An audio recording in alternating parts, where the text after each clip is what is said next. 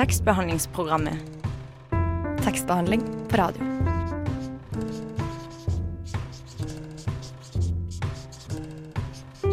Tekstbehandlingsprogrammet.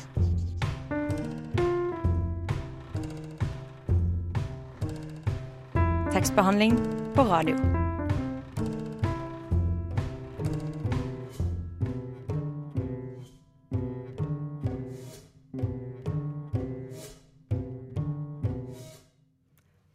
Velkommen til tekstbehandlingsprogrammet her på Radio Nova. Her på huset er det påskeferie nå, men vi feirer med å være her, vi. Eh, mitt navn er Idun Svarverud, og med meg i studio i dag har jeg deg, Kristine Aas. Er det deilig med påskeferie? Ja, eh, jeg reiser til Island i dag. Heldiggris. Blir det gøy? Jeg tror det, eh, men jeg har alltid vært veldig Jeg har aldri tenkt at jeg skulle dra til Island, fordi jeg leste en krim fra det stedet da jeg var liten, eh, og ble kjemperedd, naturligvis. Men så tenkte jeg at det gikk i jordnes når jeg aldri skulle dra til det stedet. Men nå i dag så skal jeg da pakke kofferten og dra til skumle Island. Men jeg tror det blir bra, altså. Ja, det går helt sikkert helt fint. Eh, selv skal jeg ha bypåske, men jeg skal sette meg i solveggen og lese skummel krim om steder jeg aldri skal reise til. er du eh, glad i krim? Veldig. Veldig glad i Under Lindell, spesielt. Er det noen spesielt du er glad i? Um, jeg har lest uh, ganske lite krim, men jeg er veldig glad i 'Snømannen' av Jo Nesbø. Den klassiske krimmen som alle har lest. Den syns jeg var dritskummel. Uh, og den kan jeg anbefale. Jeg kan ikke anbefale å lese den hvis man er alene på hyttetur, men uh, ellers bra. Um, og vi skal snakke litt mer om påskekrim, men vi skal også få besøk av forfatter Anders Bortne. Og han har nylig gitt ut sin femte bok, 'Ulvens år'. Eh, og vi skal også høre litt om hva andre tenker å lese på denne påsken her. Dessuten skal vi endelig få et nytt avsnitt av den savnende bokhyllespalta. Og denne gangen er det med eh, Linnea Myhre. Så vårt påskeegg er fylt med masse godt. Ja, vi gleder oss. Det blir koselig. Men aller først skal vi høre litt uh, musikk. Her kommer 'Fugler med lei av sprit'. Hallo, mitt navn er Knut Nærum, og du hører på tekstbehandlingsprogrammet. Jeg går i hvert fall ut fra at du gjør det. Det var 'Fugler med Leia sprit' her på Radio Nova. Eh, om en liten strakk skal vi få besøk i studio av Anders Bortne. Men før det skal vi snakke litt om påskesjangeren sjæl, eh, nemlig krim. Har du en favorittkrim, eh, Kristine? Uh, jeg kan på en måte lese alt uh, mulig krim. Det eneste som er at jeg blir så innmari redd. Uh, men jeg elsker jo det også. så jeg har vel egentlig ikke noen favoritt, bortsett fra at jeg liker Under Lindell ganske godt. Uh, og så syns jeg ofte det er kult hvis det er litt sånn ekte, da. At det kunne på en måte skjedd. Så blir man ekstra redd. Det er det som er den beste krimmen. Mm. Um, vår reporter Mari Nyberget har vært ute og spurt folk hva deres uh, favorittkrim er, så det skal vi høre nå.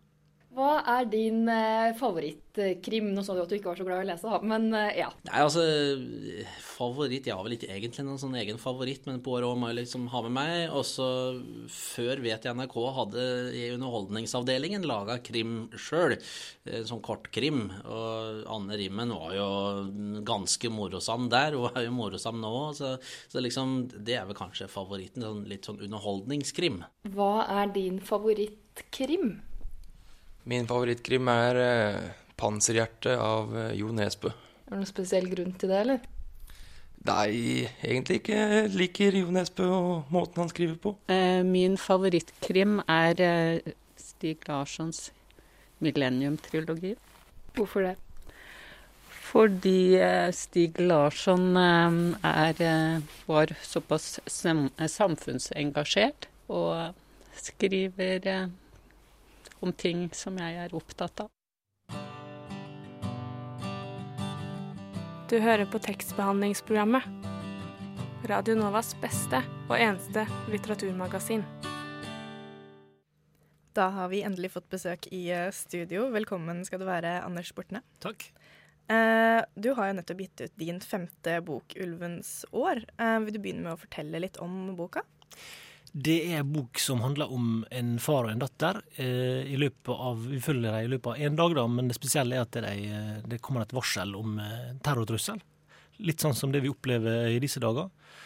Og eh, vi, liksom, historien viser liksom hva, hva, de, hva faren prøver å gjøre da, for å liksom forholde seg til en trussel og beskytte dattera. Eh, som du sier, så handler jo eh, boka om følelsene rundt skilsmisse, og Mm. særlig med barn involvert, men også da om en terrortrussel. Mm. Eh, hvorfor valgte du dette temaet?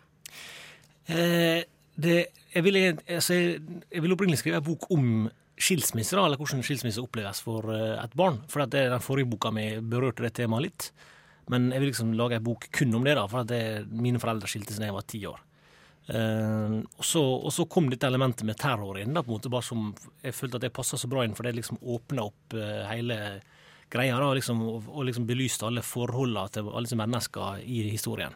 Så da, det tok på en måte litt over, da. altså Terrorgreia ble liksom egentlig det grunnleggende temaet i boka, da. Mm. Ser du på boka som en bok om terror, eller en bok om skilsmisse? Jeg ser på boka eh, som en historie om, eh, om, å, altså om å være glad i hverandre, da. altså om familie, på en måte, og prøve å holde sammen. Mm. Ja, og vi skal snakke mye mer om ulvens år etter hvert, men først skal vi høre litt uh, musikk. Og vi begynner med en sang som du har valgt uh, selv til denne sendingen, og det er 'Drum of Glass' med Monomen. Uh, hvorfor valgte du den sangen her? Det er fordi dette bandet spilte på lanseringa av min aller første bok, Et bra band, for ja, for elleve år siden. ikke sant? Og det, de blåste meg eh, i bakken, liksom. Men jeg har ikke hørt fra dem siden, så jeg tenkte det var sånn hyggelig gjenhør. Så det er et bra band, da, med andre ord. Ja, det er et veldig bra band. Mm, og det skal vi høre nå. Her kommer 'Drum of Glass' med Monomen.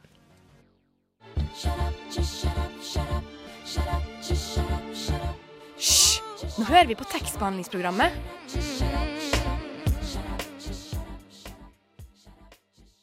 Vi hørte Monomen med 'Drum of Glass' her eh, i tekstbehandlingsprogrammet på Radio Nova. Eh, og den var valgt av deg, Anders eh, Bortne. Eh, og du skal få lese et lite utdrag fra oss, fra oss, for oss fra boka 'Ulvens eh, år'. Så kan du bare begynne når du er klar. Daniel lå ved siden av henne i sengen til pusten hennes ble tung. I morgen skulle hun våkne, og han ville ikke være der. Hun ville spørre moren og ikke forstå, slik hun ikke forsto at Norge bare var ett land av mange, eller at noen av barna på TV-en var karakterer, mens andre barn fantes i virkeligheten. Bare sirkle rundt sin egen undring til hun sovnet eller begynte å gråte. Da han kom ut igjen i stua, hadde Ragnhild samlet seg, gned hendene rastløst mot hoftene slik han hadde sett henne gjøre når de hadde gjester som gjorde tegn til å gå. De gikk ned til entreen, avtalte at han skulle komme innom dagen etter og spise sammen med dem. Hva sier du til henne i morgen tidlig når hun oppdager at jeg er borte? Jeg sier at du kommer senere for å spise med oss. Og hva skal vi si i morgen etter at vi har spist og jeg, skal gå igjen? Daniel kledde på seg jakke, skjerf og sko, de eneste eiendelene han hadde igjen i huset som var hans, og gikk opp til datteren. Sara lå på siden, en hånd under kinnet, den andre hvilte på madrassen foran ansiktet. Den klemte lett rundt hans da han rørte ved den. Før han gikk, forsøkte han å omfavne Ragnhild, som trakk seg unna. Ragnhild, gå nå da, vær så snill. Jeg vil se henne en siste gang. Daniel. Han gikk opp trappen, sto med sko og ytterklær på seg og så den sovende lille kroppen i sengen. Dyna var allerede sparket av. Veggen, veggene rundt sengen var dekket av tegningene hennes, lyskuler i alle farger var festet rundt vinduet, alle kosedyrene plasserte den lille stolen i hjørnet. På gulvet foran den hvite kommoden lå klærne hennes slengt, truser, strømpebukser, ulltrøyer, kjoler og skjorter. Hun hørte fremdeles til der. Han gjorde det ikke. Tusen takk. Kan du fortelle litt om det du leste nå? Eh, det handler jo om en fraskilt eh, far og dattera hans, og dette er på en måte et tilbakeblikk der eh, han flytta ut da, det siste kvelden han skal bo der, så han måtte, tar avskjed med dattera. Altså, hun ligger og sover i senga si, og han vil ikke være der dagen etterpå. Mm. Har du latt deg inspirere av enkelthendelser eller egenopplevde ting og sånn i arbeidet med boka? Eh, ja. Eh, ja, i aller høyeste grad. Eh, altså, det å kjøre rundt i en bil med eh, dattera mi å krangle med kona mi om, eh, om hva som er trygt og ikke trygt for barna, liksom, det er noe det føler jeg gjør. det er det livet mitt består av. Så det, det, akkurat den følelsen eh, er en sånn grunnleggende følelse som går igjen i boka. da. Mm. Um, og det er jo veldig mye det som er i den boka. på en måte det er Beskrivelsen av de mellommenneskelige forholdene og på en måte de små detaljene som gjør den veldig fin. Mm. Men det er jo også den overhengende skyggen da, av det terrortrusselen. Um, og er det noen enkelthendelser der du har latt deg inspirere av? Ja, ja, ja. Eh, det var jo eh, en terrortrussel sånn som vi, altså den vi opplever i dag. Da, den, det kom jo noe lignende sommeren 2014. Da kom det et varsel midt på sommeren. eh, av, altså av PST. Og vi fikk ikke vite så veldig mye annet at noe kunne skje, og at man må, måtte være på vakt. Og det var liksom den hendelsen jeg brukte på en måte da, til å basere historien min på. Du har jo touchet eh, litt innom det samme før med eh, den forrige boka di, 'Karikaturen', fra Mm. 2014. Og der du bl.a. skrev om Mohammed-karikaturene. Mm. Eh, Hva er det med samtiden som fascinerer deg? Nei, jeg lever jo. Det er jo først og fremst det. da. Jeg lever jo, og jeg, og jeg syns det er Det skjer så mye sprøtt. Og, og, og nå har jo terror på en måte blitt, eller for lengst blitt en slags normal, da. Vi, vi bare går og venter på når neste VG-sak skal komme om en eller annen bil som kjører gjennom en mengde i en eller annen by i Europa, liksom. Så det er liksom Det er fordi jeg lever i, i samtida, liksom, men eh, det, det, det er sprøtt hvor eh, normalt de villeste ting blir da til slutt, liksom. Det, og det finner jeg fascinerende.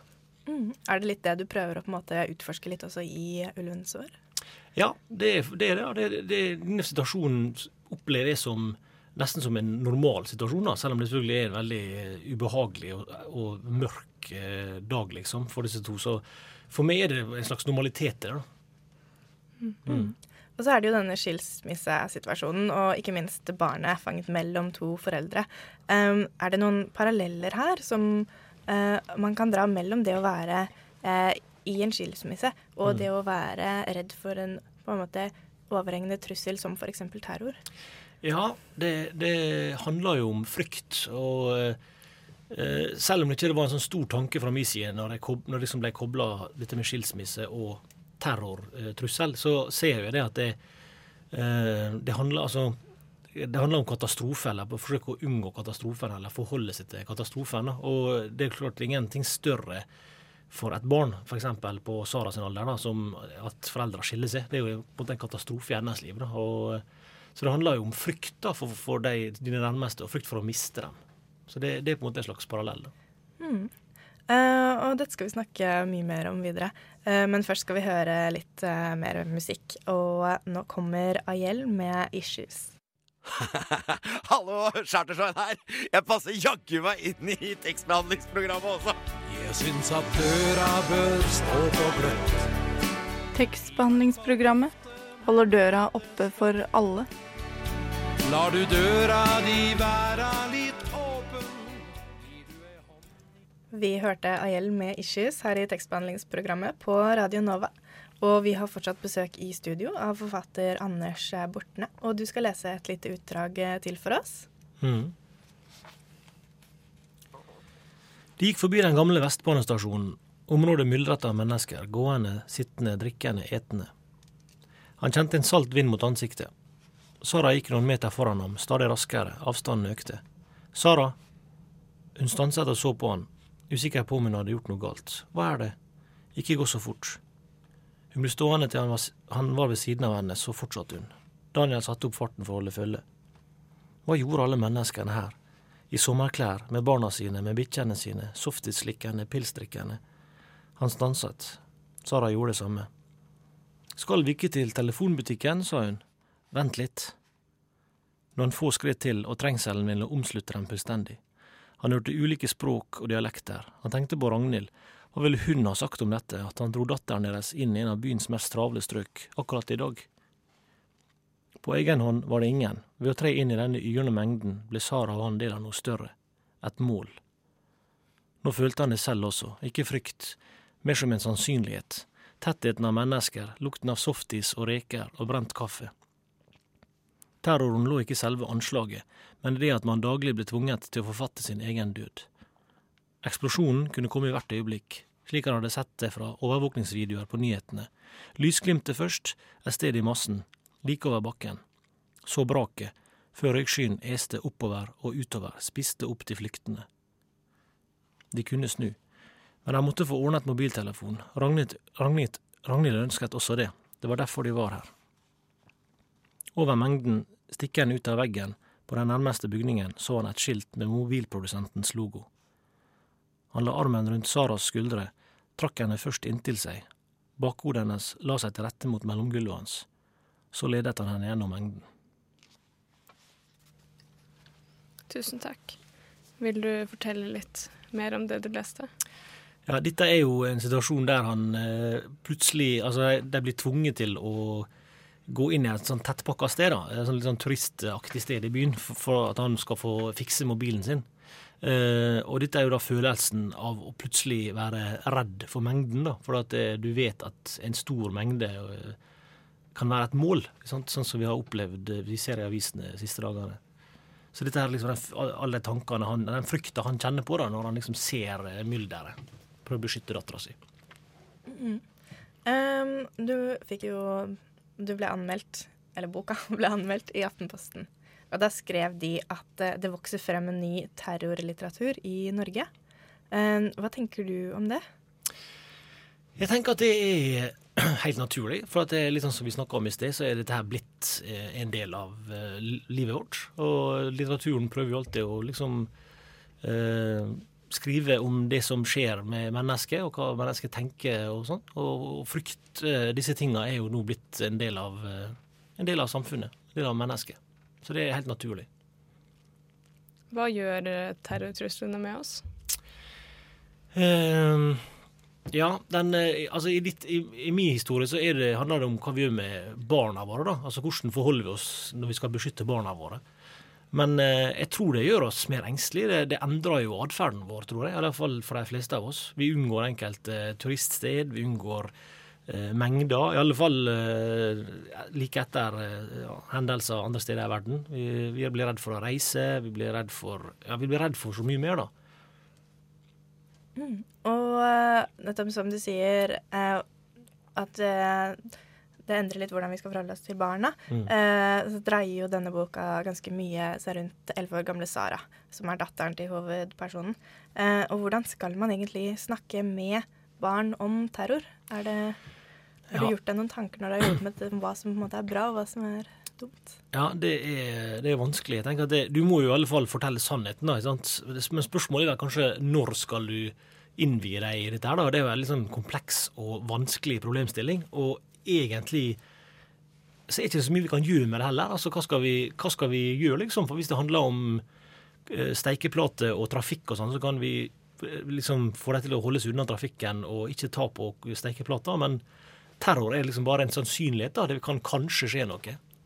Uh, men jeg tenker at det på et eller annet tidspunkt, når barn når en viss alder, da, kanskje rundt Sara sin alder, så er det noe som du er nødt til å ta opp til slutt. Da. Altså det, det, det, er ikke til å unngå at barna uh, finne ut av det og liksom få høre det fra andre plasser. Og sånn, og da må du på en måte prøve å forklare det på en enkel måte. Men uh, uh, uten at det skal liksom Uten å skremme dem, da. Mm. Dette skal vi også snakke litt mer om, for du blir med oss enda litt videre i sendingen. Uh, men først skal vi høre en av sangene som du har valgt for oss. Og denne gangen er det George Harrison og 'Beware of Darkness' vi skal få høre. Men hvorfor har du valgt denne? Jeg syns den passer fint til boka mi. Det handler jo om å være redd for det meste, egentlig. da. Mm. Så her kommer 'Beware of Darkness'. Én, to, tre. T-E-K-S-T-B-E-H-A-L-D-L P-S-P-R-O-G-A-M Tekstbehandlingsprogrammet på Radio Nova. Vi hørte 'Beware of Darkness' med George Harrison her i tekstbehandlingsprogrammet på Radio Nova. Og vi har fortsatt besøk av forfatter Anders, Anders Bortne, som har gitt ut sin nye bok 'Ulvens år'. Eh, og den handler jo om det brennaktuelle temaet terror og frykten for terror, ikke minst. Ja, og kanskje spesielt aktuelt nå, med tanke på uka som var, med terror i Stockholm, og at trusselnivået i Norge nå har blitt justert opp fra mulig til sannsynlig de neste to månedene. Hvilke tanker har du rundt det? Jeg, jeg tenker at det er trist, selvfølgelig, og, og er også nifst. da. Det det, det er så nifst at disse tingene Dette var bare noe som skjedde en, en tid, og så forsvant det igjen. Det er liksom, nå er det liksom blitt Det er kommet for å bli, da. Det kommer til å bli slik i mange mange, mange år framover, begynner jeg å innse, da, og sikkert alle andre også. Mm. Uh, I arbeidet med denne boka, i og med at temaet er såpass vanskelig som det er, um, har du støtt på noen politiske eller etiske utfordringer, eller noen ting du har måttet tenke to ganger på før du skrev det? Eh, jeg tror at en av, en av utfordringene med boka var at jeg forst, forst, det skulle egentlig være litt sånn sentimental, litt søtere historie. da. Altså Sånn som jeg fortalte i sted, det skulle egentlig handle om skilsmisse. Og så ble det mer og mer eh, mørkt, da. Eh, og blant annet omtaler Altså, jeg, jeg starta med sitatet fra han Anis Amri, som kjørte gjennom eh, en mengde i Berlin. Eh, det skjedde jo når boka nesten var ferdig, men jeg tok det med for det passa. Eh, og der er også skildra denne scenen eh, altså han, han James Foley, han journalisten, ble henretta på YouTube. Og da, det, Når jeg tar med sånne ting, så tenker jeg sånn det, det ble plutselig så mye mer grotesk, da. Eh, altså, blir, blir det for stygt, på en måte, da? Eh, det er en sånn typisk utfordring som jeg stoppa opp og ja, tenkte meg om før jeg fortsatte. Mm. Kom du fram til noe? Altså, hva, hva, hva ble på en måte konklusjonen rundt om du var for stygt? Er det noe du har fjerna, f.eks., eller valgt å ikke ha med? Nei. Det, det, det, endte jo med at jeg ble med, for det, sånn er det bare. Jeg, jeg tror Grunnen til at jeg stoppa opp, var for at det, der er ei elleve år gammel jente i historien. Altså, uh, men, men det, det, hører hjemme, disse to tingene. Dessverre. De hører, hører sammen. Mm. Har synet ditt på boka endra seg nå etter den uka som har vært, og de siste hendelsene som har vært nå i Oslo og Stockholm? Uh, ja, jeg har jo innsett uh, at uh, denne Altså, når jeg begynte på boka, som er nå flere år siden, da, så, så trodde jeg kanskje at jeg skrev om noe som som var da, eller kanskje som til og med var i ferd med å gå over, på en måte. da. Og nå innser jeg at jeg, at jeg har skildret et fenomen som er mye mer sånn langvarig i, vår tid. da. Mm. Hvor mye energi skal vi bruke på den frykten for terror? Ja, det er et vanskelig spørsmål. For det, vi, er, vi, er, nødt til å forholde oss til det. Men samtidig så kan ikke vi la oss spise opp av den frykta. Vi, vi, kan ikke da, da, går vi til grunne, på en måte. Da, da stopper jo vi som samfunn. Mm. Er det noe du tenker mye på selv? Det var noe jeg tenkte veldig mye på eh, tidligere. Eh, faktisk så jeg, vi, jeg, Nå bor jeg i byen, men da jeg skrev boka, så bodde jeg ute i Nordmarka, da, altså nord for Oslo. og Da, da tenkte jeg mye på det, for da, var jeg jeg var så glad for at jeg ikke bodde i byen. da. Altså jeg hadde sånn, Den terroren var liksom noe jeg kjente på kroppen hver dag. Nå, eh, Kanskje fordi jeg bor i byen, jeg vet ikke, men nå, nå har jeg liksom Nå, nå lærer, jeg, kan jeg forholde meg til det. da. Det, som, det ligger liksom mer bak i hjernebarken, tenker jeg. Mm. Mm. Uh, og du blir med oss enda litt til, men vi skal høre litt uh, mer musikk. Uh, først her nå, og det er Yaeji med 'Feel It Out'. Tekstbehandlingsprogrammet på Radio Nova FM 99,3 og radionova.no. Vi hørte Yaeji med 'Feel It Out' her på Radio Nova. Uh, og Anders Bortne, 'Ulvens år' var jo din femte bok. Har du noen planer for hva, som, hva, du skal gjøre videre nå? Er det noen sjette bok i sikte? Eh, den, den, er ikke i sikte foreløpig, men jeg vet at hun kommer til å komme til slutt. da. Og så prøver jeg å skrive ei barnebok. Det gjør det også. Det har jeg liksom begynt litt på. da. Får vi se om det kommer noe der også. Spennende. Hva slags tema tror du det blir, eller vet du noe om det? Den barneboka? Mm. Eh, det blir et slags Truman-show for barn. Jaggu. det høres veldig interessant ut. eh, nå skal du også snart få påskeferie. Mm. Eh, hva, hva, er det du skal lese? Jeg skal lese ei bok av en amerikansk forfatter som jeg er veldig glad i. Som, han heter George Saunders. Han skriver vanligvis noveller, men nå har han kommet med debutromanen sin. Den skal jeg lese i påska. Så du skal kose deg med den, da? Mm. Mm. Ikke krim? Eh, nei, jeg, jeg er ikke så inne i krim, altså. Jeg, leste, jeg har lest den 'Snømannen' som du snakka om i sted. Den, jeg, jeg fikk ikke helt fot for den. da. Så jeg er mer sånn, når det krim, gjelder krim, så er jeg mer sånn gammeldags, tror jeg. Jeg liker sånn ja, det skal være sånn klassiske greier, liksom. Med fra engelske gods og den stilen der. Mm. Ja, men det er Så bra, da. Ja. er, du, er du en av dem som er å finne foran NRK1 i påskeferien og se på Poirot? Og Ja, det, det, kan hende at jeg, ja, det kan hende at jeg gjør. Det liker jeg. Mm. Der er jeg jo. Ja. Det tror jeg vi aller fleste, faktisk. Ja. Det er en eh, særegenhet ved det norske folk at alle samles foran britiske krimserier Ja. i påsken. Uh, og tusen takk for at du ville komme på besøk i dag, eh, Anders Bortne. Og vi avslutter med den aller siste sangen som du har valgt for oss i dag, og det er DumDum Boys med arme riddere. Uh, hvorfor valgte du den? Jeg valgte den Jeg tenkte den passer her, da, for at jeg, jeg, jeg var jo, før jeg var forfatter, så var jeg musiker, og jeg skrev den aller første låta mi Da var jeg kanskje 15-16 år, og det var rett etter en Dumdum Boys-konsert. Så da liksom ble gnisten tent, da. Mm. Her kommer DumDum Boys. Vi hørte DumDum Boys med Arme riddere, og nå skal vi høre en god gammel spalte her i tekstbehandlingsprogrammet som det er en stund siden vi har hørt noe fra. Nemlig Bokhyllespalten. Altså spalten der vi spør forfattere, kjente og ukjente, om hva de har i sin bokhylle. Og denne gangen er det Linnea Myhre som skal til eh, pers. Reporter er Synnøve Berg Meisingseth. Hvorfor skal man ha bokhylle i dag? Kan man ikke egentlig bløffe litt med en bokhylle? Hat og krim. Det er ingen krimbøker i hylla. Bokhyllegenerasjonen. Bokhyllespalta? Leser du mye? Er det sånn at du alltid har en bok til å lese på, og når du er ferdig med den, så begynner du på ny igjen? Nei, i perioder er det sånn. Men nå har jeg ikke lest på lenge. Eh, jeg begynte på mye. Nå leser jeg den som heter I Love Dick, som jeg fikk av kjæresten min. Eh, som jeg egentlig ikke liker så godt, men jeg tvinger meg sjøl til det.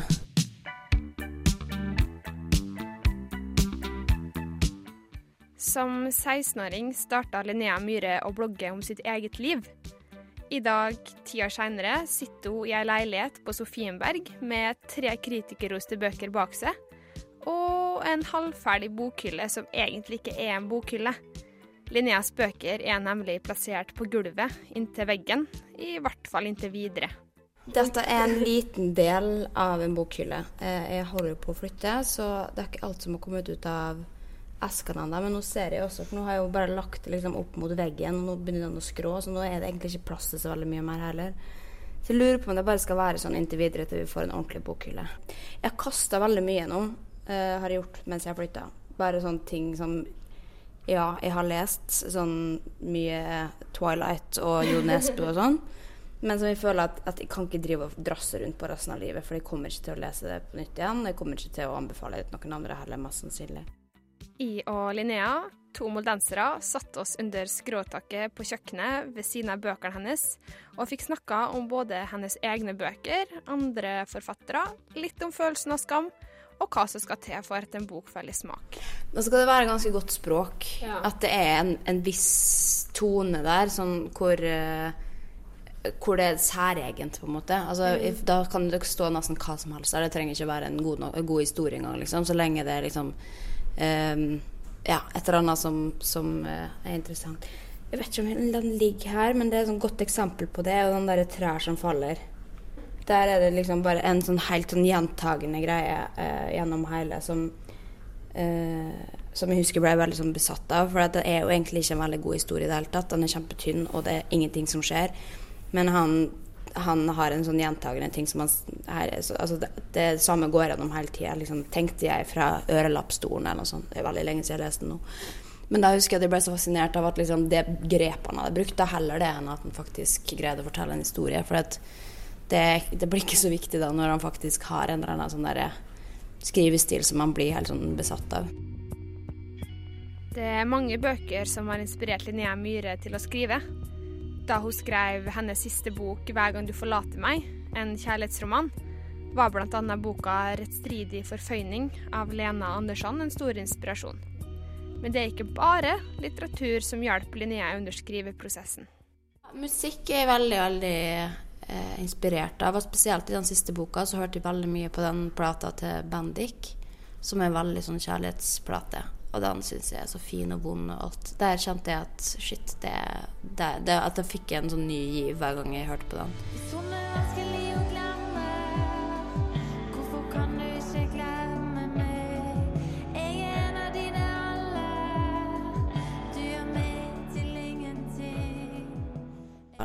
hatt et litt sånn, som sagt, antiklimaks med den siste, så nå er det sånn prøve å glemme at jeg har skrevet den. Men det har jeg hatt med dem, dem tidligere også, så det, det er en fase. Er det sånn skam, eller? Ja, veldig skam. Skamfølelse bare egentlig med alt det jeg har laga. Det er veldig få ting som jeg er glad for, eller som jeg er fornøyd med å skrive. Og det hørte jeg også noen fortalte om Knausgård. At i slutten av sekseren er vel noe sånt at han sier dette var et prosjekt, jeg greide det ikke. Det var ikke, det var ikke bra nok. Jeg prøvde, men jeg fikk det ikke til. Og det, tror, det kjenner meg veldig igjen i. Liksom. Mm. At man har bare lyst til å skrive det. Skam eller ikke, det er uansett ikke til å stikke under stol at Linneas bøker har betydd mye for mange. Hun skriver om alvorlige og personlige tema, og man kan kanskje bli litt overraska når hun røper hva som er hennes favorittbok. er Brett Easton Ellis American Cycle. Den syns jeg er helt fantastisk. Ehm, og det er liksom, hvis jeg spør folk om de har lest den Nei, men jeg har sett filmen. Og er sånn, ja, men det holder ikke, fordi at filmen er bra, men den er eh, ikke på langt nær så bra. Hvis du ser bak det også, så henger det et bilde av Pratic Mm. Bateman med øks der. Vi hørte Poster Boys med Best Friend her på Radio Nova. Eh, og vi skal snart eh, runde av eh, dagens sending, men aller først skal vi snakke litt mer om yndlingssjangeren vår i dag, nemlig påskekrim. For vår reporter Mari Nyberget har vært ute og spurt folk hva de skal lese denne påsken. Wergelandsveien. Øvre Nedre Slottsgate. Tollbugata. Unnskyld, kan jeg få spørre om en ting? Fem på gata. La, la, la, la. Det er mange som bruker påsken sin på å lese bøker, og flere forbinder kanskje krim med påske. Eh, De fleste er kjent med begrepet påskekrim, som opprinnelig stammer fra en vellykket reklamekampanje for kriminalromanen 'Bergenstoget plyndret i natt'. Romanen ble lansert en uke før Palmesøndag i 1923 og ble en stor suksess. Og det var sånn begrepet påskekrim oppsto her i Norge. Nå leser nordmenn krim eh, året rundt, og biblioteker vi har snakket med, merker ingen økning i etterspørselen av krimbøker akkurat før påske. Men eh, likevel så har vi vært ute og spurt folk hva de planlegger å lese slags eh, krimbøker i påskeferien. Hvilken eh, krim skal du lese i påsken? Du, jeg har vel egentlig ikke noe sånn forkjærlighet for å lese, så jeg tror jeg ser på TV i stedet. Men eh, Poirot er jo liksom det en må få med seg i, i påsken. Jeg skal lese 'Sovende hunder' av Roar Ræstad, tenkte jeg. Ja, faktisk. Jeg skal faktisk lese Jo Nesbøs nyeste bok, 'Tørst'.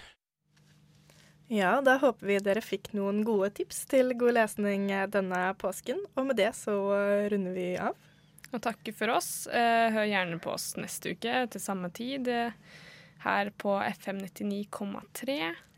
I studio i dag var meg selv, Idun Svarverud, og Kristine Aas ved min side. Og tekniker i dag var reservetekniker Helje Marie Thorsdatter Svensson. Og da takker vi for oss. Ha det God bra. påske!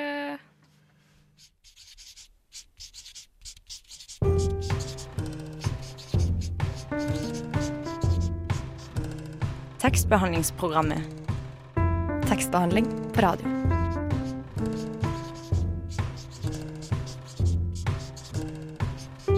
Tekstbehandlingsprogrammet.